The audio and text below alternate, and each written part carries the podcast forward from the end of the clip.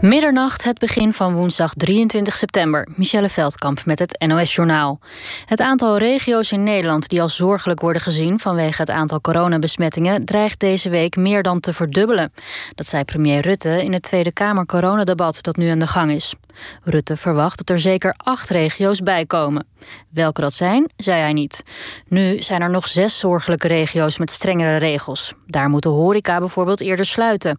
En is de maximale groepsgrootte teruggebracht van 100 naar 50. Maar volgens Rutte zullen die maatregelen waarschijnlijk niet genoeg zijn om een tweede golf te voorkomen. In datzelfde debat gaf minister De Jonge toe dat niet iedereen die dat wil zich nu kan laten testen. Hij zei dat hij er alles aan heeft gedaan om de capaciteit verder op te schalen, maar dat het een ingewikkeld probleem is. Op dit moment worden dagelijks zo'n 38.000 mensen getest op corona, maar dat is niet genoeg. Volgens de jongen was het tot half augustus nog rustig, maar daarna ging de vraag ineens enorm omhoog. De oppositie in de Tweede Kamer heeft geen goed woord over voor de recente aanpak van de coronacrisis door het kabinet. PVV, SP, GroenLinks en PvdA noemen het onbegrijpelijk dat Nederland niet klaar is voor de tweede golf, die nu lijkt te zijn begonnen. De partijen zijn ook boos dat zorgverleners in de ouderenzorg zonder beschermingsmiddelen aan het werk moesten. Het RIVM paste vorige maand stilzwijgend de richtlijnen aan voor het gebruik van mondkapjes in de ouderenzorg. In Nieuwsuur zei Ernst Kuipers van het Landelijk Netwerk Acute Zorg dat als komende vrijdag blijkt dat de nieuwe coronamaatregelen niet leiden tot een daling van het aantal besmettingen, er strengere maatregelen moeten komen. Kuipers zegt dat als er geen effect zichtbaar is, de maatregelen zo lokaal en gericht mogelijk moeten worden aangescherpt. Het weer. Vannacht is het helder en koelt het af naar een graad of 10. Morgen start zonnig, maar later neemt vanuit het westen de bewolking toe en kan er een bui vallen. Het wordt 20 tot 24 graden. Dit was het NOS Journaal. NPO Radio 1. VPRO. Nooit meer slapen.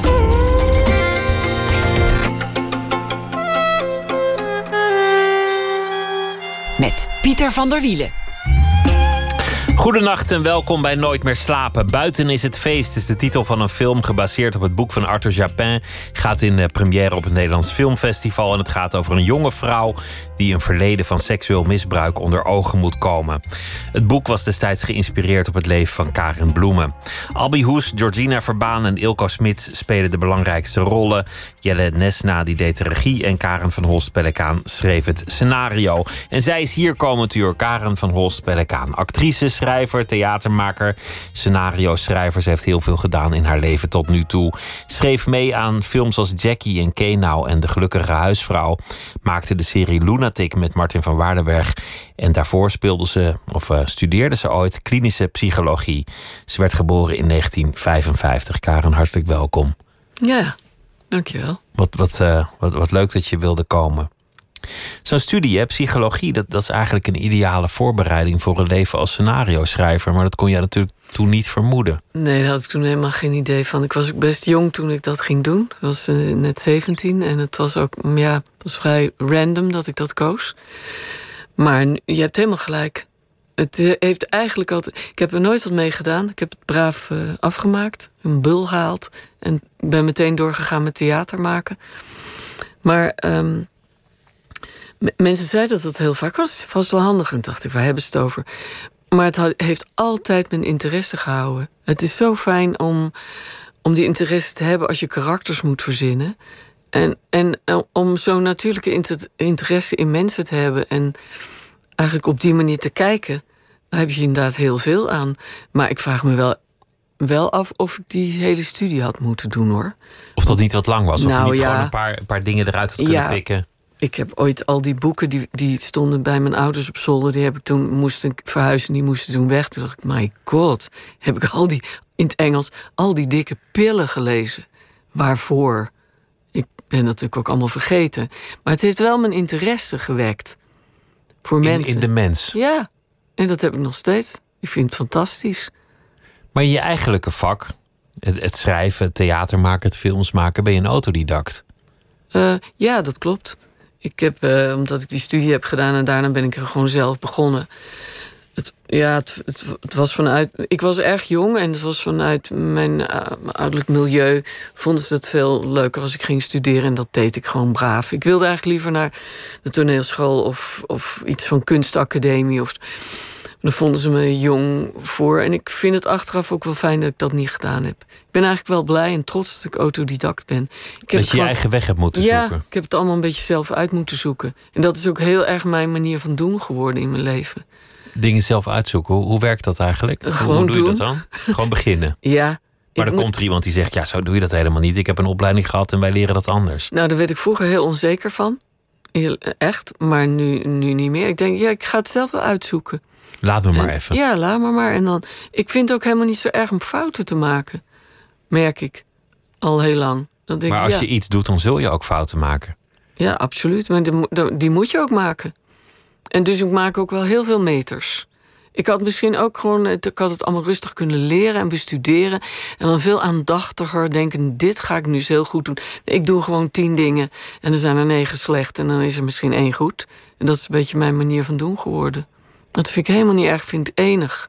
Opstaan, klauteren, vallen, Ja. uitglijden. Ja. Jezelf weer op de been En helpen. Met alles eigenlijk ook. eh, hoe ik woon en hoe ik eh, in de tuin werk en hoe ik dingen maak. Of hoe ik een stenen beeld hak. En dan denk ik, nou, lijkt me leuk, ga ik doen.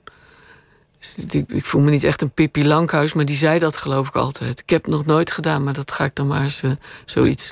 Ik heb het nooit gedaan, dus ik denk dat ik het wel kan. Oh ja, zei ze. goed zo. Jij weet het. Ja, Prachtig citaat. ja. De- deze film, het, het thema, ja, dat, dat komt uit het boek. Het was, was geloof ik zo dat Arthur Chapin ooit een interview zag met Karen Bloemen en daardoor gefascineerd raakte. En dat inspireerde hem, dat heeft hij, heeft hij wel eens gezegd. Maar het thema misbruik ja. is, is best een heftig thema. Nogal, ja. Ik ben Zag ook- je daar tegenop om, Nee. om, daarmee aan de gang te gaan? Nou, het gekke is, de, eh, de eerste keer dat Jelle Nesna, de regisseur, mij eh, belde. En toen, ik had het ook wel druk hoor, dat was ook echt waar. Maar toen vroeg hij dat en toen dacht ik, nou, nou mm, laat het dat maar niet doen.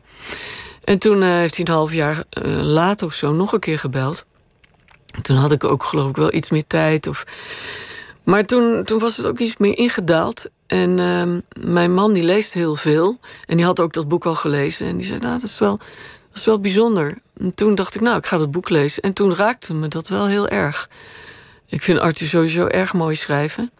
En dit boek, eh, ja, dat deed wel. En toen, en toen zei ik tegen Jelle, nou, laten we maar eens gaan praten.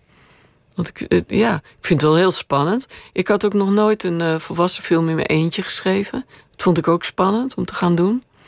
Ik had nog steeds in mijn hoofd zoiets van ja, Want je hebt, je hebt heel veel scenario's geschreven, maar eigenlijk altijd met anderen, met Marty Blok samen. met Marnie voornamelijk. En eh, ja, dat noem ik dan grote mensenfilms. Ik heb wel veel jeugddingen gedaan, ook wel alleen. Natuurlijk achtste groepers en oorlogsgeheimen en wel meer eh, jeugddingen. Maar ik dacht, ik dacht dat het nou voor volwassenen, dat, dat is wel dat is nog een brug te ver voor mij. En dat eh, ben ik hier ook helemaal kwijtgeraakt. Dus je gaat nooit meer als duo werken. Nou, dat vind ik, dat vind ik iets te bout. Maar ik begin er wel steeds. eh, Ik vind, vind het begint echt fijn te vinden om eh, alleen te werken. En ik durf het ook veel meer. En ehm, ik, ik ben ook meer mijn eigen criticaster geworden of zo. Vroeger legde ik toch het oordeel iets te veel bij anderen. Van, eh, is dit goed? Heb ik het goed gedaan? En dat, dat, dat heb ik niet meer zo. Ik Je weet wel of het goed is of niet. Ja, en ik kan er ook meer voor gaan staan of zo. Dat is wel leuk aan ouder worden. Verbazingwekkend eigenlijk dat je, dat je dat nog zo eng vond om, om het zelf te doen. Raar, Als je, je hebt zoveel gedaan. Ja. En natuurlijk kon je dat. Waar, waarom Ja. zag je daar eigenlijk een drempel? Ja, maar er, kunnen honderdduizend mensen tegen je zeggen... Natuurlijk, je hoeft helemaal niet onzeker te zijn. Natuurlijk kan je dat. Natu maar dat moet je op een gegeven moment dat moet je echt zelf voelen en zelf weten. En dat is wel de laatste jaren veel meer ingedaald, ja. Dat vind ik ontzettend lekker. Daar voel ik me echt vrij door. Dan had je in, in dit geval te maken met een schrijver. Een schrijver en iemand die een filmbewerking maakt. Dat is altijd Ja. een beetje gevoelig. Je, hebt, je hebt misschien ook wel te maken met Karen Bloemen. Want het is Ja. min of meer haar verhaal. Ja, Je hebt te maken met een regisseur die een film voor ogen heeft. Heel veel partijen. ja. Hoe, hoe heb je dat gedaan? Nou, dat, dat ging, dat- ze kwamen niet allemaal tegelijk over me heen, hoor. Letterlijk en figuurlijk. Het was niet dat ze meteen op de stoep stonden. Nee, eerst natuurlijk met Jelle. En dat was ontzettend prettig contact. En die was zeer gemotiveerd om deze film te maken. Het is echt zijn droomfilm. Hij wilde dit. En dat vond ik ook heel, heel inspirerend. En ik vond het ontzettend leuk dat zo'n regisseur vanaf het allereerste begin uh, zo intens betrokken is en meedenkt. En, en heel veel sparren. En dat is een hele, hele prettige manier van samenwerken, vind ik. En toen hebben, zijn we samen een keer uh, kennis gaan maken met Karin. Dat vond ik een leuke, spannende ontmoeting. Ik vind het een, een super soort powervrouw. met die ontzettende aardige man van haar, Marnix. Dat vond ik heel erg leuk. En, uh, maar ze had wel zo'n beetje, toen ze eenmaal uh, het treatment had gelezen, dat is de film in scènes, nog niet in dialoog, had ze wel zoiets van, nou, dat gaat nog wel, dat gaat wel best wel heel ver weg van mijn verhaal. Ze had in het begin wel moeite mee. Maar uh, uiteindelijk is ze er echt voor gegaan. En ik heb ook wel, Jelle en ik hebben ook wel geluisterd naar dingen die ze zei, ja, maar dat kan echt niet zo. En, en dat is ook goed om daarvoor open te staan. Van iemand, iemand die dat fucking zelf meegemaakt heeft. Weet je, dan moet je niet gaan zeggen: ja, maar wij weten dat allemaal beter.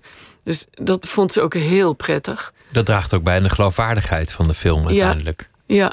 Nou, en eh, wat dat betreft hebben we ook. Nou, je, vroeg ook nog naar uh, Arthur. En uh, nou, ik vind Arthur zo'n ontzettende toffe gast die helemaal niet moeilijk gaat doen. En die ken ik ook al van heel lang geleden. En, de, en die, die was zeer uh, coöperatief en was, die was heel, heel, heel goed en makkelijk. Had die, maar hij heeft zelf natuurlijk ook een slag geslagen door het verhaal van Karin daar een draai aan te geven. Om van het, een, jongetje een meisje te maken. En dat nichtje wat nu in de film zit. Of nee, het is haar ja, wat is het nou van haar? Ja, het is haar, het is haar nichtje, ja. En dat was voor hem, uh, dat was voor hem uh, het, het, het, idee om deze, dit boek te kunnen gaan schrijven. Want het gaat over een vrouw die misbruikt is door een stiefvader, de, de nieuwe vriend van haar moeder. Ja. En die, die dat min of meer heeft weggestopt in haar leven. Zij is doorgegaan. Dat is haar een... overlevingsmechanisme, dat kon niet anders. Ze is inmiddels een succesvol zangeres, gelukkig in de liefde. Maar dan komt het moment dat die stiefvader, de dader, voogdij zoekt over haar nichtje. Ja, omdat want haar zus, is overleden. Is verongelukt. En dan moet zij in actie komen. Dat betekent dat zij haar geheim onder ogen moet komen en moet uitspreken. Ja, anders ze moet, ze moet zelfs uh, ja, een, naar de rechter, want anders gaat ze dat verliezen. En, ze, en dat vind ik ook wel mooi in de werkelijkheid is, is Karin, geloof ik, van ter zevende totdat het huis uitging, misbruikt. Maar wij hebben dit een beetje rond die leeftijd van dat nichtje laten plaatsvinden. Dus voor de hoofdpersoon Abby, die min of meer Karin moet verbeelden, is het, um, is dus nu het nichtje is, is 11 à 12. En dat was zij ook vroeger, want we werken ook met die flashbacks. Dus het komt allemaal gewoon weer full force terug hierdoor. En ze kan het gewoon niet tegenhouden. Maar ze probeert het wel om, het, om, om, om die façade in dat overlevingsmechanisme gewoon vol te houden. Maar het gaat gewoon niet. Ze moet om het, om het meisje te redden. En dat vind ik ook wel heel mooi. En dat heeft Arthur bedacht natuurlijk. Heel mooi ontroerend. Dat ze eigenlijk gewoon het nichtje in bescherming moet nemen. En gaandeweg denkt: nee, ik ben ook mezelf in bescherming aan het nemen. Want eigenlijk door te zwijgen, ja, gaat de dader vrij uit. En wie help ik daarmee? En gaat dat slachtofferschap ook door? Exact. Met, met Karen Bloem, ik, ik kan me dat toch herinneren dat zij voor het eerst ermee naar buiten kwam in, in de media. Dat is, dat is een jaar of tien geleden. Ja, dat heb ik allemaal overgeslagen hoor. Dat wist ik helemaal niet. Dat, dat las ik ergens. En zij kwam natuurlijk altijd over. En, en nog steeds wel als, als zo'n humoristische en sterke en energieke vrouw. Ja. En dat, dat is ze ook wel. Maar dat daarachter nog heel veel meer schuil ging dat het toch ook altijd een soort façade was geweest. Een overlevingsmechanisme. Ja. ja. Dat, dat fascineerde mij wel. En dat is ook een thema in deze film. Ja, dat, en ik vind het ook zo mooi om te zien bij Karin. Dat ik heb een aantal keer met haar vergaderd en zo. En dan, hoe, hoe ze dat ook kan. Ze zet bijna letterlijk dat masker op. En dan is er daar die sterke, vrolijke, uitbundige, geestige vrouw. Maar een paar keer heb ik ook gezien dat ze dat even niet voor elkaar kreeg. En dan was het weg. En dan, ja, dan vond ik eigenlijk nog honderd keer leuker. Dan dacht ik, en nou zie ik de echte Karin. Die is kwetsbaar en daar kan je een beetje doorheen kijken. En die is ontzettend lieverd. En uh, was ook heel mooi. Het was best een beetje een soort strijd in het begin. Uh, en, en op een gegeven moment uh, en had ze ook zoiets van. Ze moest natuurlijk ook aan mij wennen, want ik ging met dat materiaal aan de stoei en ook met Jelle. En op een gegeven moment ging er een knop om. En, en, en ze liep op me af, het was voor corona. Hè, en ze pakte me zo beet, echt dat ik dacht... hè, wat ben je, wat, zo lief was dat, zo gemeend. En, en, en dat, dat, zie, dat zie ik veel liever dan dat masker, moet je zeggen. Terwijl ik het ook geestig vind en heel goed begrijp. Maar, Misschien eh, doet iedereen dat wel een, een beetje in zekere mate jezelf mechanismes aanleren die je op een zeker ogenblik ook best weer kan loslaten. Dus, uh, ja, dat we allemaal, uh, dat we allemaal meerdere, meerdere maskers, meerdere persoonlijkheden, dat we meer, meerdere kanten van onszelf moeten laten zien in iedere situatie. Dat is evident. Maar ik denk dat we ook wel het, allemaal het gevoel kennen dat als dat even niet hoeft, hoe fijn dat is. dat je gewoon tegenover elkaar zit. En dit ben ik kwetsbaar of, of ja, misschien niet zo leuk. Of afgelebberd woord. Maar gewoon wie je bent en met je fouten. Daarom vind ik fouten zo belangrijk. Hoe sta je dan tegenover de daders? Want dat, is eigenlijk veel interessanter. Zo'n dader zal ook wel weer zijn geschiedenis hebben. Dat is een hele goede vraag. Dat, ik vond dat echt een hele moeilijke. In het begin had ik hem ook veel te. Ik had hem ook te plat nog. En te. Dat is zo dat is zo genuanceerd hoe zo'n personage. Dat is ook heel erg moeilijk om je daarin te verplaatsen. Maar ik had wel. Ik, had, ik heb het geluk dat ik. Uh, toen ik studeerde. had ik een collega. En dat was toen al een vriend. En die heet Jules Staffleu. Dat is inmiddels uh, een vrij bekende seksuoloog. Hij had toen, toen al zijn interesse voor seksuologie. En vooral voor daders. En. Uh, nou, die heb ik gewoon op het internet. Uh, dacht, ik zoek hem gewoon op. En daar stond zelfs gewoon een nummer. Uh, dus ik ging hem bellen en ik zei: Jules, weet je nog wie ik ben? En hij zei: Ja, tuurlijk. Tuurlijk weet ik dat. En uh, nou, dat contact is hersteld. En hij weet alles van daderschap. Hij is daarin gespecialiseerd. Hij moet ook mensen opvangen of, of, of in therapie nemen die dat verplicht moeten. Omdat ze ja, dit soort shit hebben uitgehaald. En hij zei ook: K ik kom het helaas, eh, eh, merk ik het heel vaak. Er is geen schuldgevoel.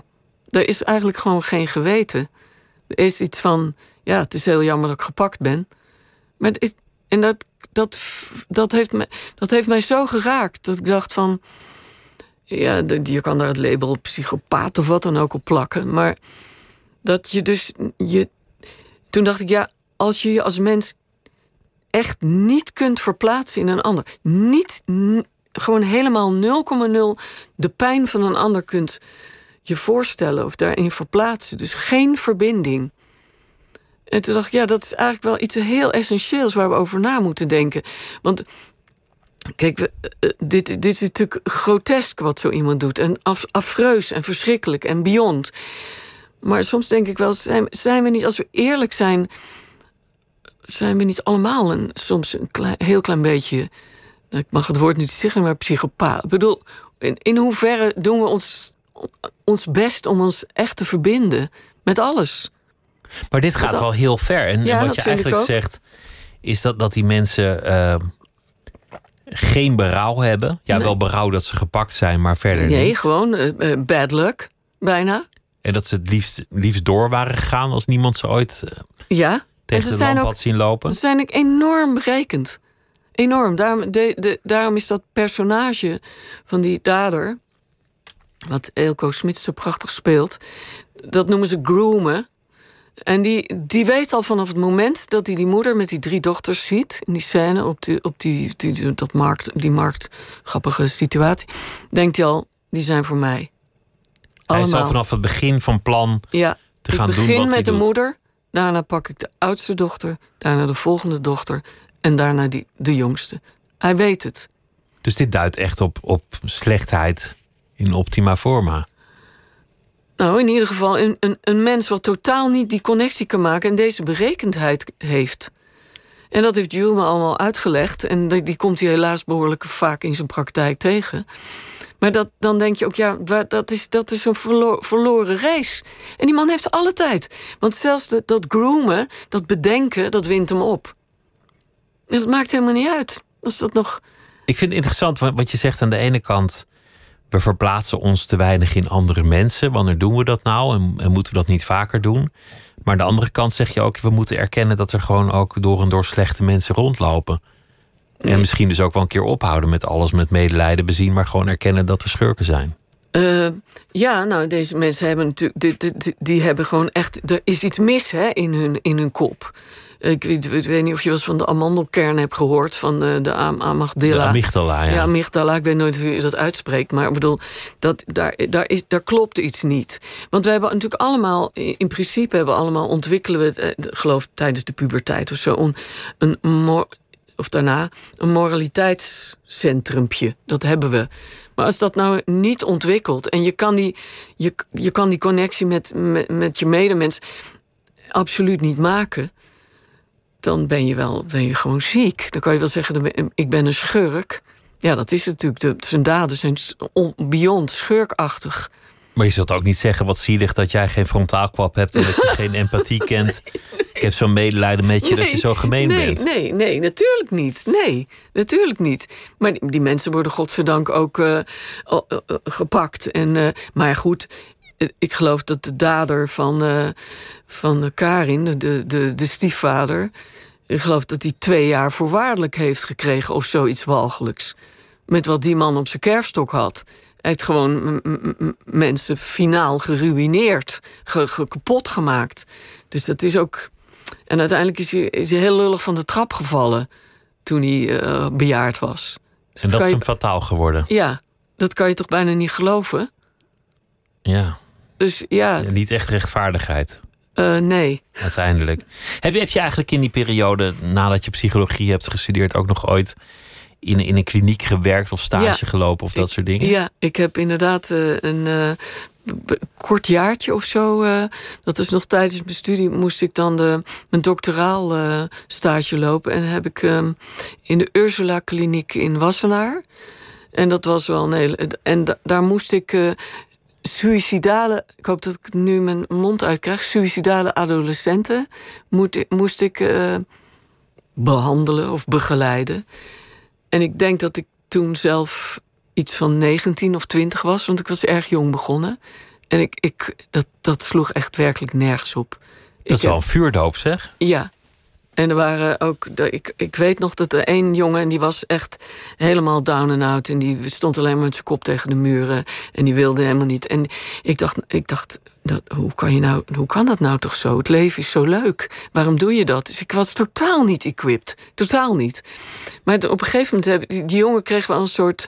Ja, die, die, die vond mij leuk of aardig. En toen, die ging mij ook steeds meer inpalmen. Dat had ik ook helemaal niet door. En op een gegeven moment ging dus, we lekker naar de stad gaan? Had ik nachtdienst. En toen zei ik, ja, oké, waarom niet? En dan stapte ik bij hem in de auto. Het was echt helemaal foute boel. Ik had het, was gewoon onverantwoord. Snap je? Dus ik, en, en, uh, ik weet ook niet meer hoe dat er, toen precies aan toe. Maar er was wel een psychiater, maar die was natuurlijk alleen overdag. En ik was dan de sociotherapeut die daar s'avonds ook toezicht moest houden. Nou, ik heb er geen goede herinnering aan. Maar het, het streepje tussen verantwoord en onverantwoord is fysiek gezien niet zo groot. Nee. Je loopt de deur uit de drempel over, je doet ja. de portier open, je zit en je bent in het koninkrijk der onverantwoorden. Klopt. Het is een small step for man, a giant keep, um, leap for mankind. Ja, dat klopt. Kan dat, echt uh, niet. Heel nee. slecht, gemeen. Uh -huh. Mag je nooit meer doen. Ja, ja. Maar goed, je zal er maar het slachtoffer van zijn. Om weer even terug te komen bij de film. Want uh, daarom vind ik de titel ook zo mooi. Buiten is het feest.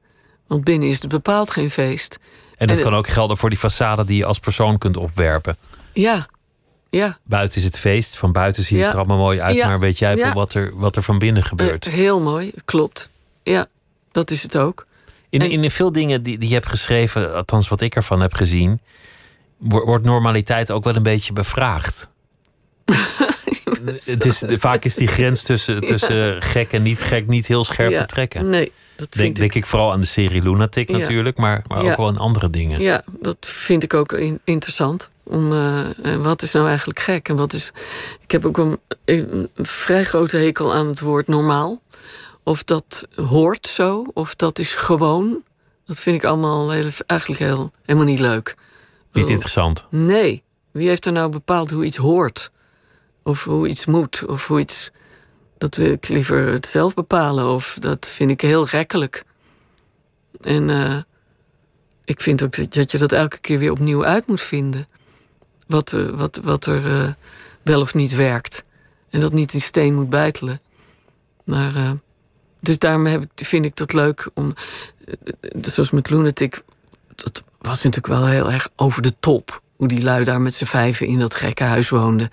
Het zal wel bestaan ergens, toch? Nou, dat weet ik niet. Maar dat, dat, het, ik vond het ook heel leuk om te kijken. Wat, wat, wat, wat is nou nog geloofwaardig in, bij zo'n personage, personage? En wat gaat er over een grens en is het niet leuk meer? Bij Martin en ik begonnen in eerste instantie... zetten wij ook veel te zwaar in. De eerste aflevering die we ooit maakten was dat er komt een kleijuffrouw... dat is Raymonde de Kuiper, die komt kleilessen geven. En nou, wat wij hadden bedacht in eerste instantie... was dat ze dat al die klei zouden opeten... en dan zouden uiteindelijk bloempotten poepen. En dan zou, veel, veel te veel, was helemaal niet leuk. En dat hebben we dat veel kleiner gemaakt. En uh, ziet iemand gewoon een boterham, hele mooie boterham te kleien. En dan neemt hij keurig met bestek zo'n hapje van. En die zit dat zo'n beetje zo op te eten met zo'n stalig. Ja, dat is veel geestiger. Snap je? Maar wij moesten ook zelf vinden van waar, waar ligt de balans tussen uh, gek en, nou ja, normaal. Wat is normaal? Wat het ook geestig maakte, is, is dat de mensen met elkaar zitten opgescheept. Ze kunnen geen kant op. Ja. Normaal als iemand gek doet, dan denk je nou dit moet je even zelf oplossen. Ik ga, ik ga er vandoor. Ja. Maar dat kon even niet. Uh, nee. Dat, en daar treedt de humor binnen. Ja, dat is ook inderdaad. Dat was natuurlijk een voorwaarde dat ze er niet uit konden of weg konden. Tot en we hadden altijd wel eens een beetje het idee van het is een metafoor voor het gezin ook. Het zijn, uh, dat is ook een zijn, soort gekke huis waar ja, je niet weg kan. Ja, dat zijn de vijf kinderen. En uh, zuster ten Hoeve, Jacqueline Blom, die. Is dan de, de, de moederfiguur, de verantwoorde zuster. En dokter Bomhoff, uh, uh, zo heette die toch? Ja, Bomhoff, de, de psychiater die daar een beetje in... Dat was, dat was eigenlijk de vader die zondag het vlees sneed... en verder uh, alleen maar, ja, vaag afwezig Een soort ontspoorde familie inderdaad. Ja, ja dat vonden we altijd heel leuk om dat steeds in onze gedachten te houden. Van, en dan die vijf gekken waren dan een soort, soort exponenten... van hoe kinderen ook kunnen zijn. Dat werkte wel vaak heel go goed. En dan namen we grote thema's. Dacht, nou, uh, slaande ruzie of uh, nou, dat soort dingen. En dan gingen we daar weer iets geks bij uh, bedenken. En als je van die strakke personages hebt... want die waren natuurlijk best wel wetmatig. En die groeiden ook niet. Want het waren natuurlijk closed episodes van een aflevering. Nou, en dan weer eens zo'n format. En dan weet je ook heel, op een gegeven moment leer je die karakters heel goed kennen... wat ze wel, wat ze wel aan niet kunnen.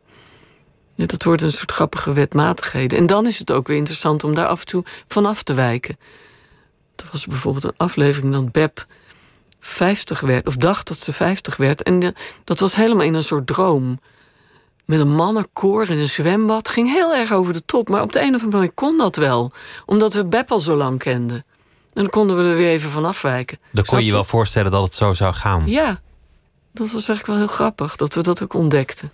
Dat was ook gaandeweg hoor. Want we hebben drie series gemaakt en er zat steeds best wel veel tijd tussen.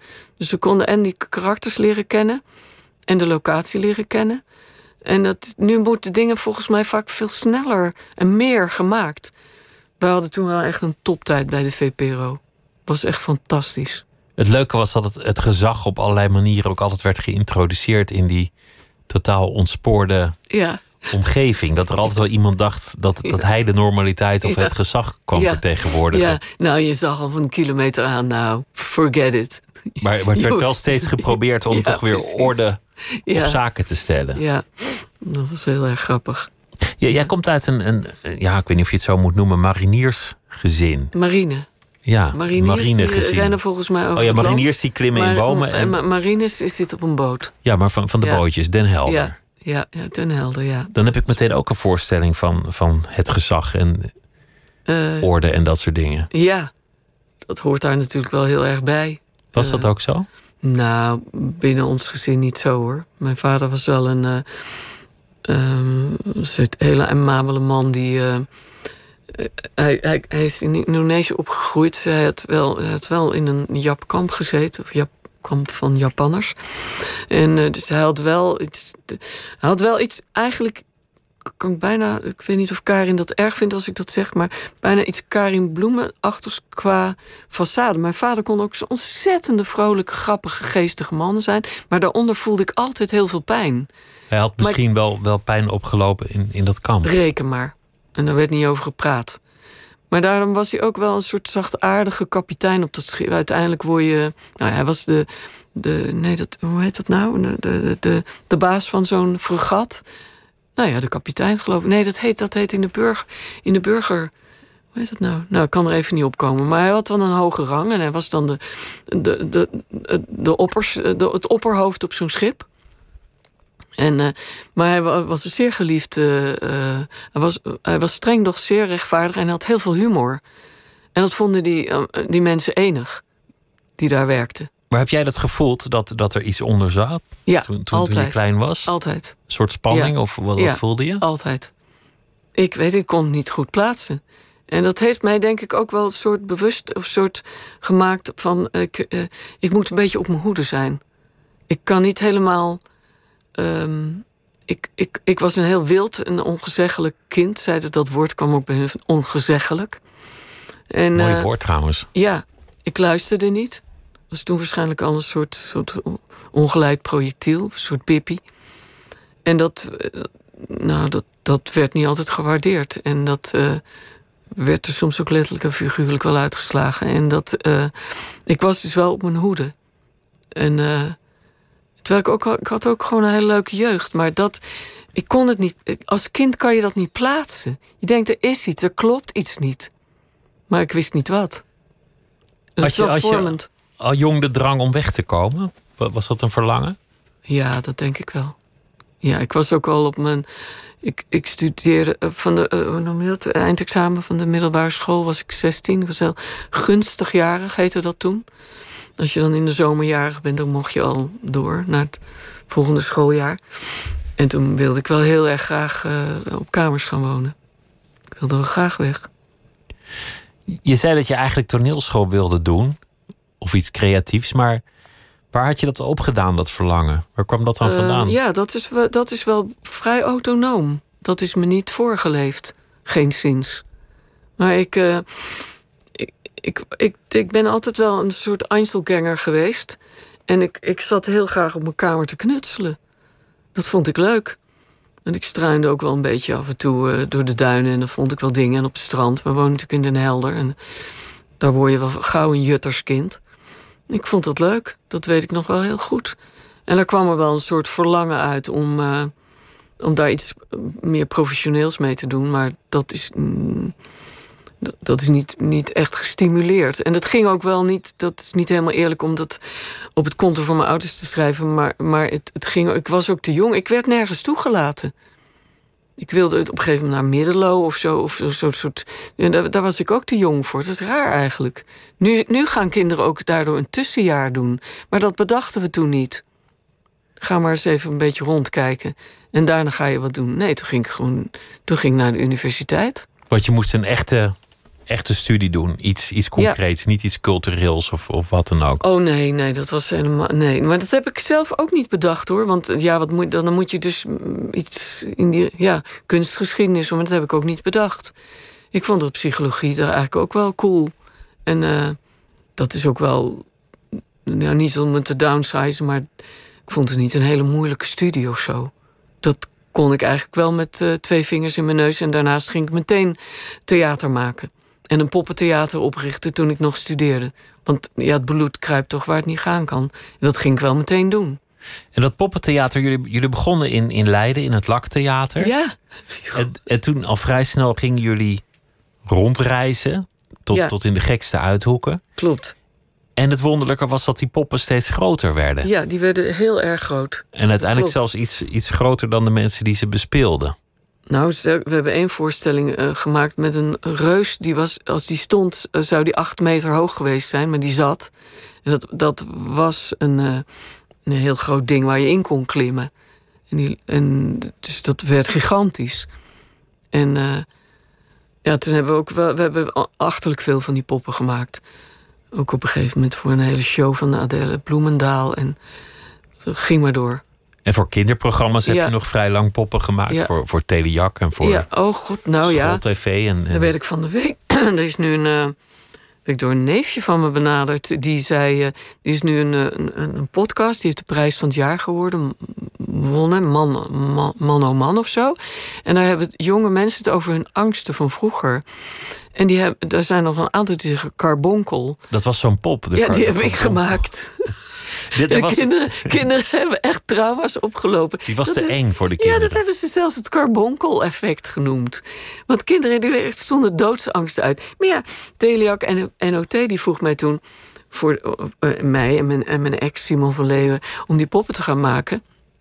En eh, die, die zeiden, nou, er, moet- er een figuur in zitten... die heet Carbonkel en die mag lekker eng. Nou ja, dan had je, moest je net ons hebben. Dus wij gingen helemaal los.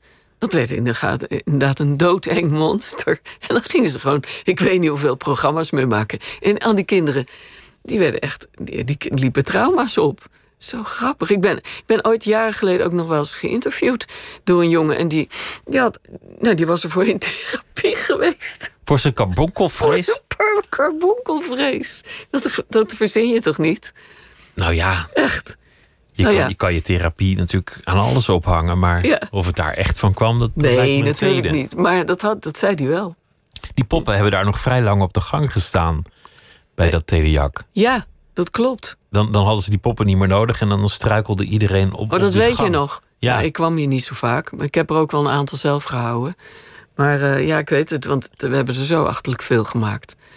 En vorig jaar hebben we... Ik, ik woon nu in een oude tabakschuur. En ik heb nog van het huis waar ik daarvoor woonde... dat was, dat was weer een, een fruitschuur in de Beemster. En ik had heel veel van die poppen bewaard. En ik heb nog wel een groot aantal mee verhuisd. En vorig jaar dacht ik, het is een keer klaar. Die dingen liggen hier te verstoffen. En toen eh, is mijn jongste zoon nog, nog komen helpen. We hebben een enorme container gehuurd. En al die poppen gingen in die container. En die moesten toen afgevoerd worden naar het groot vuil. En daar lagen ze eng nou, te dat zijn. was zo raar om al die poppen in die bak te gooien. Ook een beetje ja, Ja. een soort van levenswerk. Ja, levenswerk is te groot, maar... Ja, maar je had die mensen moeten zien. gaan zitten. Ja, ja, ook. Maar die mensen die daar hun, hun autootjes leeg gingen... eh, en die, die bak keken, die, die hadden iets wat, wat is dit? Maar ik vond het heel erg goed. Het is gewoon klaar. Weg En ermee. Weg ermee. Het is Ja. wel je ingang geweest in, in wat later je vak werd. Wat? Nou ja, eerst die poppen en dat Oh ja. poppentheater. En dan via de poppen ander theater. En het schrijven en het toen acteren. En, acteren, ja. En toen heel veel series eh, maken. En eerst ook heel veel in spelen. In, heel veel in, in die series. En heel veel poppen er ook nog voor maken. en op een zeker ogenblik zei je dat spelen, ik ben er helemaal klaar mee. Ik wil het niet meer. Ja. Wat was dat? Ehm, nou, dat was ook voor. Ik, ik ben een enorme doener, hè. Ik kan, eh, ik kan wel stilzitten, maar ik vind het niet, het is niet mijn grootste hobby. En, eh, en als, je, als je actrice bent op zo'n set, zelfs als je de serie zelf geschreven hebt en een, en een glansrol voor jezelf hebt geschreven, zit je nog heel veel te wachten. En ik, ik, Bij het opnemen tussen de scènes in en zo. Ik vond het helemaal niks. Ik vond het zo saai worden. Dat ik dacht, ik wil, de, ik, wil, ik, wil, ik wil zelf mijn tijd indelen. Ik wil zelf. En ik wil verzinnen, verzinnen, verzinnen. Dat vind ik het leukste wat er is. Echt, zet, zet mij aan de tafel met iemand anders en eh, we gaan sparren om, om iets te verzinnen. En ik en ben het gelukkigst. Gewoon, hup, nog meer. Verzinnen, verzinnen, verzinnen, verzinnen. En, en ja, op zo'n set, dan zit je eigenlijk gewoon uit te voeren wat al verzonnen is. Ook heb ik het zelf verzonnen. En hoe gaat het dan? Is dan echt van de ene op de andere dag dat je zegt: Oké, klaar, doe ik ja, niet meer? Daar ben ik heel rigoureus in. Zo, ik stop ermee. Ik doe het nooit meer. Ze bellen me nog wel eens een dood enkele keer van een castingbureau. Dan moet ik eigenlijk een beetje lachen. Dan zeg ik, nee, nee, echt niet. Doe ik niet. Echt niet. Nee. Dat En is ook wel een beetje spannend als, als dat je beroep is en je gaat ineens iets anders doen. En je Ja, maar ik heb het meer. nooit als een beroep ervaren. Dat, klinkt, dat is echt geen gekoketteer. Ik ging gewoon... Ik ging poppen maken en die ging ik bedienen. En toen, toen gingen we bedenken dat die poppen net zo groot werden als jij en ik. En toen moesten we die visueel bedienen. En nou, van de een kwam het ander. Dan ging je daar ook een rol bij spelen. En zo groeide dat. Ik ben niet... Ik, ben niet, ik heb nooit gedacht, nou ben ik actrice. Dat zeggen andere mensen. Ik vond het hartstikke leuk om dat te doen en daarin te spelen. En op een gegeven moment heb ik ook wel een aantal serieuzere rollen gespeeld bij Hollandia. Maar ook dat was behoorlijk speels. Ik hou namelijk ontzettend van spelen, maar niet van spelen als in acteren, maar spelen als in spelen, zoals een kind. En, uh, Homo ludens, zoals uh, Johan Huizinga het noemde. Oh, heet dat de, zo? De, de spelende mens Ja. die dan dingen Ja, ontdekt. en- heerlijk, heerlijk. Maar ehm, ja, dus ik, ik, ik vond het ook helemaal niet, niet moeilijk om daar afscheid van te nemen. En ik heb eh, dat personage Beb Brul wel heel lang ook nog goed kunnen gebruiken. Want ik ben vrij lang ook tamelijk activistisch geweest voor dierenleed en zo, of tegen dierenleed. En eh, toen kon ik dat personage buitengewoon goed gebruiken. Want zet Beb maar eh, op de dam eh, om, te, om tegen mensen te zeggen: Jij moet helemaal geen. wat zit daar op jouw boterham? Laat eens even kijken, kind. Oeh, dat lijkt wel leverworst. Weet je, want dat is heerlijk om dat eh, zo te doen. Dus dat, eh, daar werd ik eh, heel vaak voor ingezet. Voor Varkens in Nood en voor de Bond en voor de... Dat, dat, dat heb je echt veel gedaan, hè? Op markten en andere Ja, gelegenheden. Ook zelfs met Georgina Verbaan, hè. Was heel leuk. Oh, die houdt ook altijd heel erg van ja, diertjes. die houdt ook heel erg. Dieren, ja. Oh, dat mag je niet zeggen. Mag Je mag niet diertjes zeggen. Dieren. Maar, maar toen, eh, dus, dus Beb heb ik wel lang, eh, lang eh, nog heel dankbaar gebruikt. Maar op een gegeven moment was dat ook klaar. Ik heb nu ook al die jurken en die troep en die juwelen en die pruiken heb ik allemaal weggegooid. Kan niet meer. Voor wie net inschakelt, Karen van Holst-Pelikaan zit tegenover mij vanwege een scenario dat ze heeft geschreven voor de film Buiten is het feest. En je, zei terloops, en dat vind ik ook wel interessant, dat je, je woont nu in een tabakschuur. Ja. En, en daarvoor woonde je in een dijkhuis en, en daarvoor woonde je weer fruit, ergens anders. Fruit, oud fruitbedrijf. En een fruitbedrijf. Want, Ja. want jij woont eigenlijk altijd het liefst in de middle of nowhere. Eh, ja. Hoe, Als het even kan. Hoe, hoe meer nowhere, hoe beter. Want je kwam uit Den Helder, dat is op zich al een, een klein beetje. Ja, een soort eiland aan het land vast of zo. zo nou, dat was wel. nog wel een soort, dat Was nog wel een soort stad hoor. En ik heb in Leiden gestudeerd en toen zat ik ook. Maar ik ook een soort van stad. Ja, wel. Maar daarna ben ik eh, al meteen. eh, ja, ik studeerde nog en toen ging ik ook al buiten wonen. Aan een klein dijkhuisje. En daarna in dat Lisserbroek waar ik over moest roeien. Want had ik geen recht van overpad. Dus ik moest altijd met een roeiboot. Want, want Lisserbroek, dan zit je bij de, bij de ringvaart. ja, bij de beetje. ringvaart. Ja. En heb je allemaal van die gekke onbewoonde eilanden ook in, in de buurt. ja, dat klopt. Maar ik zat niet op een eiland. Alleen aan de achterkant van waar, waar ik woonde, daar zat een boer. En die had gewoon geen recht van overpad gegeven. En het was heel normaal. Dat, daar woonde ook nog een vriend van me. Dat deden wij met een roeiboot. Dus dan moest je ergens je auto of je fiets eh, neerzetten en langs, dan. langs de dijk. Eh, nou ja, je, je, je kent het. In het voorgesprek zei je dat je daar ook wel eens ging varen. Of dat zei die jongen vanmorgen. Nou, nee, dat nee, oh, dat ik. zei jij. Sorry. Gewoon, gewoon met Ja. joepie de Ja. soepie kom ik Ja, daar wel eens ja. langs. Maar dan, dan kan je je auto daar gewoon langs het kanaal zetten. En, eh, alleen ik had een dramatisch... ik had net een, mijn, mijn oudste zoon, dat was een babytje. En eh, het was midden in de winter. En ik, eh, dan, eh, dat weet je vast wel. In die tijd voor het nog echt goed. En, maar er kwamen er wel van die schepen nog. Dus, aan de, dus in het midden was het open. Aan de zijkanten was het dicht. En ik had toen zo'n... Ik was ook een beetje een soort hippie. En ik had zo'n- dat kindje, een baby lag in een soort mandje. Soort boodschappentas half. En die had ik in die roeiboot gegooid en gelegd. En toen trachtte ik door dat, dat vaste ijs... daar zat ik mezelf overheen te, slepen met die roeiboot. En toen kwam ik in dat middelste open stuk. Nou, dat ging. Maar toen kwam er zo'n schip aan. En ik zat vast in dat andere stuk aan de andere kant, dat ijs. En ik, ik, ik, ik heb, het enige wat ik kon doen was die baby met die, in die mand op de kant smijten. En zelf. Mezelf, want die boot, Jezelf in veiligheid stellen. ja, want het schip dreigde over die roeiboot te varen. En toen stond ik op de kant. Dat was net zoals met dat stoppen met acteren of met eh, poppen maken. Ik dacht, zo, dit is klaar. Hier ga ik dus niet meer wonen. Ik ga hier geen nacht meer slapen. Het, het lijkt me een, een angstaanjagende Ja, was- ervaring. was als, je, echt- als je je kind van je boot af moet niet. werpen. Kon echt niet. Omdat er zo'n vrachtschip ja, aankomt. het is klaar. En toen had ik al een oud school- schoolgebouw gehuurd bij eh, langs Schiphol in Rozenburg. En ehm, daar, daar voor theater. En toen ben ik diezelfde nacht in die lerarenkamer gaan slapen. En dan ben ik nooit meer vertrokken. Daar heb ik tien jaar gewoond. Mocht niet. Was ten strengste verboden. Ik kreeg hele hoge boetes als je daar ging wonen. Toen dacht ik, nou, eh, laat ze maar komen. En ze Ze kwamen hebben- niet. Nee, natuurlijk kwamen ze niet. Ik heb daar fantastisch gewoond. En mijn kinderen zijn er opgegroeid. En ze hadden twaalf wc'tjes. En eh, ze konden overal spelen. Ze hadden een eigen schoolplein. Het was fantastisch. Maar wat is die drang om afgelegen te willen wonen? Om, om ergens toch- ja, vind ik in de heerlijk. natuur te zitten? Wat, wat, wat brengt dat je? Ehm, Uh, nou, nu, wat ik nu kan bedenken is dat ik uh, stapelgek ben op de natuur. En daar echt, echt, echt iets in vind wat ik nergens anders kan vinden. En ik, ja, ik ben ook ontzettend gesteld op ruimte. Ik wil gewoon dingen kunnen doen. Ik, moet, ik heb nu een erf van uh, anderhalf hectare. Ik moet daar heel veel ook lopen en dingen doen en slepen met Zoe. En, en, en, dat, dat zit zo in mijn systeem dat ik. Ik, um, ik heb ooit, eh, ja, nou helemaal niet zo lang, zes jaar geleden gedacht. Nou, ik moet zo vaak op en neer naar Amsterdam. Weet je wat? Ik had best aardig verdiend met, met een aantal van die dingen. En ik dacht, ik koop, toen kon dat nog een klein appartementje. Nou, en ik ga het gewoon proberen. Nou, dat was zo'n slecht idee. Dat ging helemaal niet. Daar word ik doodongelukkig in zo'n, gewoon in zo'n huis. Maar komt dat door het huis of, of door de stad, door de drukte? Nou ja, ik hou helemaal niet van shoppen. Of van dan door zo'n, door zo'n straat lopen en dan te denken van...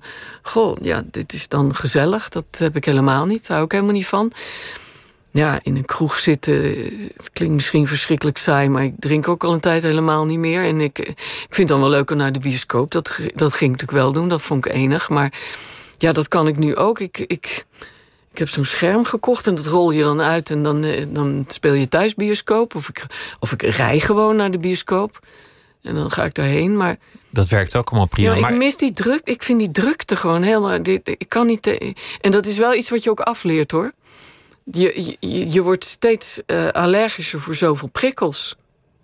Dus ik ben verloren. Kan, dat gaat helemaal niet meer. Maar in de natuur krijg je toch ook ontzettend veel prikkels? Ja, maar heel anders. Dat zijn echt, echt andere prikkels. Maar, maar wat is dat voor gevoel? Is dat, is dat een idee dat je dan, dan één bent met de natuur? Of, of, uh... Ik kan er gewoon ontzettend van genieten. Ik kan gewoon al, al die vormen, die kleuren. Ik kan dan kijken naar dingen. En dat, dat, dat vind ik het heerlijkste wat er bestaat. Ik heb ook een gigantische moestuin. En dan sta ik eeuwig krom om, uh, om onkruid te wieden. En dan kom ik met manden vol van die groenten eh, eruit. Dat vind ik ook allemaal heel mooi en esthetisch. Maar ik kan echt heel erg genieten van die vormen en die kleuren in die natuur. En ja, er komen bij ons ook vossen drinken. Eh, we hebben ook een grote vijver. En, en er lopen allemaal reeën en herten en paarden en veulens en alles loopt daar.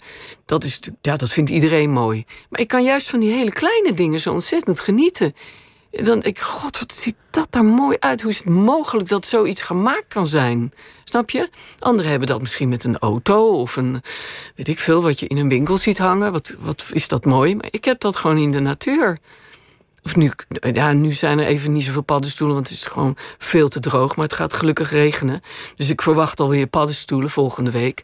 Ja, dan ben ik alweer niet meer te houden.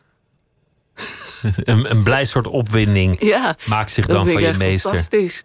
Is, is jouw liefde voor dieren daar ook uit voortgekomen? Het, het, in de natuur wonen? Ja, ja, ja, dat is wel omdat ik echt.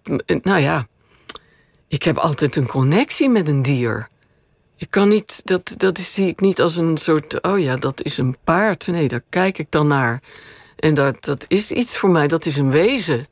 En met mijn honden en met, uh, met alles wat ik aan dieren ooit, ezels, pauwen, kippen, wat ik allemaal ooit allemaal gehad heb. En dat, ja, daar, daar heb ik altijd een connectie. Dat is een vriend zeg ik altijd. Maar je zei net dat je, je, je hebt veel gedaan voor Varkens in Nood en voor de Partij voor de Dieren. Maar je lijkt mij op geen enkele manier een, een dogmatisch persoon. Een, een heel militant iemand of zo. Dat klopt ook. Dat, dat, dat ben ik niet ook dat het een niet. daaruit voortkomt, nee, maar in, in die hoek gebeurt dat nog Nee, maar ik word wel heel erg slap van dierenleed hoor. Dat kan ik zo verschrikkelijk slecht verdragen. En er is nogal wat van. Nou, dat, en ik ben er ook mee opgehouden na een tijdje. Want ik moest ook al die gruwelijke filmpjes soms zien om te weten waar ik het over had. En mijn man zei toen ook al: je moet hiermee ophouden, je trekt dat niet. Ik, dat blijft op mijn netvlies en dan kan ik dan. Dat gaat niet meer weg. Dus ik. Terwijl ik eigenlijk. Ik ben geen watje. Hè. Bij, bij ons in de gebeuren ook. Als, je ziet die hengsten elkaar gewoon verrot trappen. En die. die die hebben zoveel testosteron en adrenaline... dat die kunnen elkaar gewoon de, de poten onder, onder elkaars lijf vandaan trappen. En die lopen dan echt letterlijk met gebroken been, hoor je te zeggen. Die, die gaan maar door. En, en dan, moet, dan bel ik de boswachter en dan zeg je... je moet hem afkomen maken nu. En dan, of ik, eh, ik bedoel, ik zou het ook zelf doen. Ik ben, ik ben er geen watje. Ik ga niet soft worden of zo. Ik wil gewoon ik, dat structurele dierenleed wat wij, wat wij met z'n allen plegen. Dat is op een soort industriële schaal. dat ja, is en toch daar, daar, anders? kan ik, dat kan ik gewoon niet verdragen. Of, of achterloosheid van mensen die gewoon dom zijn en het gewoon helemaal niet doorhebben. En denken dan, ja, je bent nu een, een dier, een heel, heel, heel echt rottig leven aan het bezorgen. Gewoon uit domheid. Daar kan ik ook slecht verdragen. Maar ja, goed, dan kan ik nog wel denken, oké, je weet het niet. Maar wij kunnen onze ogen niet meer sluiten voor die bio-industrie. Dat weten we gewoon. Bovendien eh, kan het ook niet meer voor het milieu en, en, en wat er allemaal aan pandemie en ellende. Maar die zijstraat ga ik nu niet in. Want nee, je punt, je punt is duidelijk. Maar, maar het is wel interessant dat je daar zoveel voor, voor gedaan hebt. Je, je, had het, je had het over een aantal dingen in, in je eigen bestaan. Bijvoorbeeld dat je dan nu helemaal zelfstandig voor volwassenen scenario's schrijft. Terwijl je Ja. het voor, voor kinderen al lang zelfstandig deed. En terwijl je eigenlijk heel veel gedaan hebt Ja, samen met anderen. Vaak met, met eh, Marnie Blok. en Martin van Waardenberg vroeger natuurlijk met... Ja, zeker. Ja, En zo heb je het over, een- over een aantal andere dingen gehad. En we hadden het eerder in het gesprek ook over mensen die op een zeker ogenblik alle hulpstukken kunnen afwerpen. Het masker niet meer nodig hebben. En, en gewoon kunnen zijn wie je eigenlijk altijd al had kunnen zijn. ja. Dat, eh, Ben, je, ben je daar al in de buurt? Nou, ik, kom- ik kom er dichterbij in de buurt. Ik, ik- ik zou zeker niet beweren dat ik er ben, maar ik heb, ik heb me jarenlang heb ik het nodig gehad om ook zo'n dergelijk masker te hebben. En dat was stoerigheid. Ik was, ik was ongelooflijk stoer. Ik reed op een motor met zijspan. Ik kon lassen en slijpen en ik kon vuur spugen en alles. Ik zat bovenop. da- Vuur spugen? Ja, dat, Kon je dat? Ja, en vuur eten. En ik had een Wat, middeleeuws... wat vuur eet, dat ken ik niet. Dan steek je een fakkel in je mond. En dan steek Oh, daar je hou ik nooit zo van. Hou je daar niet van? Nee, dat vind, ik- vind dat brand. Nee, dat is ook.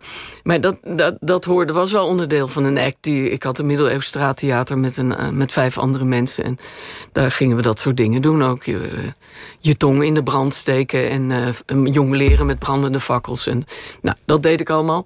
Nou, dat vind ik nog niet eens zo stoer. Dat vind ik Maar- wel. oh, nou goed. Ja, vind ik wel stoer. Oh ja. Maar ik, het was meer mijn houding ook. Weet je, als ik op een dansvloer stond, dan was ik degene die tot, tot de allerlaatste, het allerwildste en het allers. dat, dat ik mensen bijna afschrok. En, en dat, ging, dat ging over alles wat ik deed. En, en eh, ik ben zo blij dat ik dat niet meer hoef. Ik hoef niet meer eh, het, het stoerste en het. eh, iemand te zijn die nergens bang voor is. Want ik ben wel bang voor dingen. En ik vind dat echt een bevrijding. En waarom moest je dat van jezelf eigenlijk al die Ja. tijd? Ja, goede vraag. Wat zat er achter dat masker? Ja, ook onzekerheid natuurlijk. eh, eh, eh, te weinig eigenwaarde. eh, weet ik veel. letterlijk Gevoel, tekort te schieten. Ja. Al, al die dingen. Ja, wat, hoe, ja, hoe worden we op, opgevoed? hoe worden we eh, misvormd, zeg ik tussen haakjes? Ja, dat gebeurt.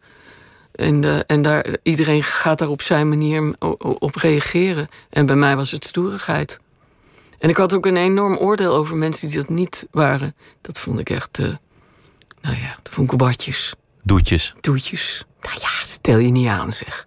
Weet je, echt heel vervelend eigenlijk als ik daar achteraf aan denk. Helemaal niet aardig. Ik denk dat ik daar best mensen mee gekwetst heb toen. Maar Je, je, zegt, je zegt in de algemene zin van mensen worden misvormd of gevormd. Dat, dat, is, dat is waar die film over gaat. En, en dat, dat komt volgens mij eigenlijk heel veel voor. Misschien niet zozeer alleen door, door kindermisbruik. Hoewel dat volgens mij ook best veel voorkomt. Maar op allerlei manieren misvormen mensen elkaar. ja, helaas wel. Dat is behoorlijk erg, ja. Bijna niemand komt er helemaal Nee, ongeschonden uit. Nee, ik heb altijd heel fijne gesprekken met mijn man. 's ochtends, eh, we drinken een uur lang koffie in bed. Dat is een ritueel. En dan hebben we het over al deze dingen. En dan zeggen we wel eens van... eh, er zijn maar heel weinig... Proberen we wel eens mensen te verzinnen... waarvan we het vermoeden hebben dat ze zonder kleerscheuren... volwassen zijn geworden. Nou, we kunnen er misschien één bedenken. Met heel veel pijn en moeite. Maar dat is ook wel weer de schoonheid van het leven. Ik denk dat, dat, dat je tijd, tijdens dat leven, als je durft, moet je dat proberen aan te gaan en, en daarmee in het reinen komen. En, en, en al die maskers, al die mechanismes, al die stoerigheid, al die dingen proberen af te gooien. Zodat je in ieder geval, zeker als je, als je ook weer kinderen op de wereld zet, een soort bewustzijn krijgt dat je dingen niet doorgeeft. Dat, jij, dat het bij jou stopt. Ja, nou ja, dat lukt natuurlijk nooit helemaal. Want we krijgen over het algemeen vrij jong kinderen. En dan hebben we dat bewustzijn nog niet. Ik heb altijd al gezegd.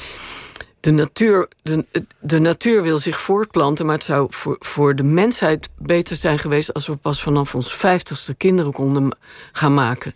Als we eindelijk eens een beetje wijs geworden waren en al die mechanismen door hadden van die ons in de weg zitten. En dan pas kinderen opvoeden. Maar goed, dat is ook weer een andere zijstraat. Maar dat vind ik een hele interessante gedachte. De evolutie heeft natuurlijk nooit zo gedacht. Maar Misschien als je heel wijs bent, dat je er niet eens maar aan durft te beginnen. Dat je een soort onbezonnenheid nog moet hebben om, om in zo'n project nou, te stappen. Daar heb je ook helemaal gelijk in. En daarom is het ook goed. Want, want dat moet natuurlijk gewoon. Ja, ik vind wel die, die jongere generatie, misschien kan ik niet generaliseren, maar vind ik wel eerder wijs. Ik, vind, ik kom wel heel veel bewuste, bewustere jonge mensen tegen. Ik, ik, ik, ik heb bijvoorbeeld een, eh, nu een hele leuke stiefdochters van mijn man. En die vind ik al voor hun jonge 30, net 30, enorm bewust. Dat doet me wel goed. Dat, uh, het is ook soms wel een handicap. Dat denk ik, oei, ben je niet te bewust al van. En daaruit voort van heel erg plannen en organiseren. En wat kan er allemaal wel? Wat mag ik niet en wat mag kan wel? Terwijl, ja, ik deed maar wat joh in die tijd. En dat vind ik ook heerlijk. Maar het is misschien voor. Als die mensen kinderen, nu kinderen gaan maken, dat ze wel op een bewustere manier dat kunnen doen. Want ze al meer inzicht in zichzelf hebben. Ik ben benieuwd wat jullie film gaat losmaken. Ja, ik ook. Omdat het over, over zulke precaire thema's ja. gaat. En, en ook, ook wel zware thema's. Ja, maar het is, het is echt bedoeld als een hoopvolle film. Dat hebben we, Jelle en ik, constant gezegd. Het is een film die hoop geeft, want het is iemand die uiteindelijk toch gaat praten. En, en daarmee, dingen overwint. En dingen overwint. En daarmee ook de volledig getroubleerde relatie met haar moeder. Daar kan ze iets, iets aan gaan doen. Dus dat is, wel, dat is wel belangrijk om te zeggen dat het een hoopvolle film is. Ook al is het onderwerp natuurlijk heel heftig. En, want dat, vond ik eigenlijk een must, want anders ja, je wil die mensen helemaal depressief die, die, die zaal nee. uitsturen. En we hebben altijd gezegd, joh, als, we, hebben, we hebben nu, dat is de producent uh, Reinier Seele heeft dat ook voor elkaar, dat er een, zoiets als een correlatienummer achteraan komt. En dat er allerlei, ook mensen uit het veld en hulpverleners, die gaan ook dingen met die film doen. En we zeggen, joh, als zijn er tien mensen die, die door deze film denken ik, ga, ik, ga, ik, ik, ik, krijg mijn coming out, ik ga er iets mee doen. Dan denk ik, dat is, dan is hij al geslaagd. Dat zegt Karin Bloemen zelf ook altijd. Als er maar weer één iemand door mijn boek of wat ik ook, welke uitlating dan ook van mij uh, zegt: ik, ik, ik, ik ga dit niet meer voor me houden, want ik ga eraan kapot. En ik bescherm de dader, want dat is natuurlijk zo. En uh, dan is het geslaagd. En dat vind ik voor deze film ook een pleidooi om het verleden onder ogen te zien. En de daders niet vrij ja, te laten gaan. Ja, in het algemeen, hè, ook voor, in, voor iedereen wens ik dat toe. Ga het aan. Ga het gewoon aan. En je, en je wordt er een vrijer mens eh, door. En je gaat veel meer echt in verbinding met anderen. Um, dat vind ik onwijs belangrijk in deze tijd. Ik heb wel eens gelezen dat er, dat er misschien wel in, in elk huizenblok... in elke straat... Ja, gruwelijk hè? Misbruik is ja, geweest. Het is onvoorstelbaar. Ja, het is natuurlijk in allerlei gradaties, maar eigenlijk zijn daar. Eh, ik bedoel, als je dat één keer meegemaakt hebt, mijn eigen man heeft het ook meegemaakt, dat vond ik ook een extra motivatie om, dat, uh, om, om hierin te stappen in dit project. Maar ik, ik merk, ik hou zielsveel van hem, maar ik merk gewoon hoe het hem beschadigd heeft. En hoe die tot op de dag van vandaag daarmee worstelt. En dan denk ik, god, voor als dat nou niet gebeurd was. Wat, wat... Met wie zat ik dan koffie te drinken? Wie had hij dan kunnen zijn? Ja, dat is wel mooi dat je dat zegt. Koffie te drinken. Ons heilige ritueel. Ik vind, ik vind het zo'n mooi beeld. Dat je dan samen even tijd neemt voor die koffie. Ja, een uur. Een heel uur. Nou ja, dat is niet dwangmatig, maar echt de tijd. De tijd. Ik, ik sta daar, ik, ik word daar heel graag. Ik, ik ben erg vroeg. Ik sta zes uur, half zeven uh, op, met gemak, uh, fijn. Maar dan, dat is ook echt om dat uur te bewaken. En het licht te zien worden. En is gewoon heerlijk om zo je dag te beginnen. Ik kan het iedereen aanraden. En met elkaar te praten. Dank Ja, je wel dat je, dat je langs wilde komen. En heel veel plezier met eh, de première op het Nederlands Filmfestival van eh, Buiten is het eh, Ja. feest. Met eh Abby Hoes en eh, Georgina Verbaan en eh, Ilko Smit. Karen van Holst Pelikaan, dank je wel dat je langs Ja, wilde komen. Dank je voor het gesprek, vond het leuk. Vond ik ook. Ja. En zometeen Miss Podcast op eh, deze zender. En morgen komt Haroon Ali op bezoek in Nooit meer slapen. Goeienacht. Op Radio 1. Het nieuws van alle kanten.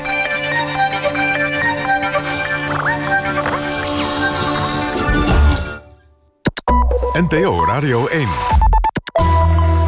1 uur, Michelle Veldkamp met het NOS-journaal.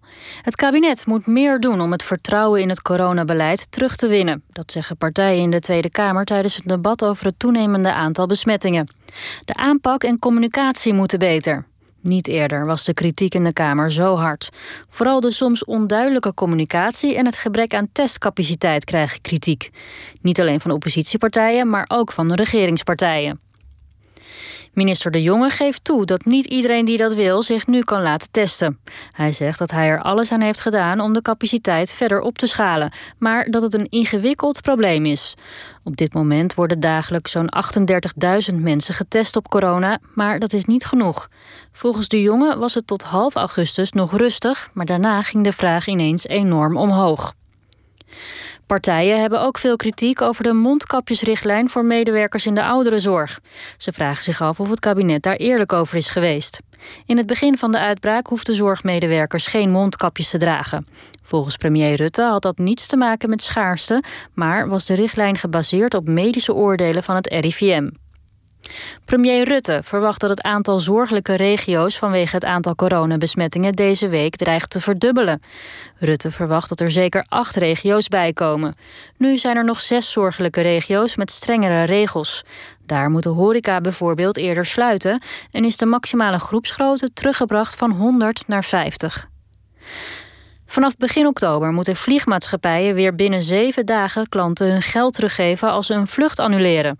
De afgelopen maanden klaagden veel mensen dat ze lang moesten wachten op hun geld. Europese regels schrijven voor dat bij annulering een consument binnen een week geld terug moet krijgen. Maar vanwege de coronacrisis werden die regels tijdelijk niet gehandhaafd.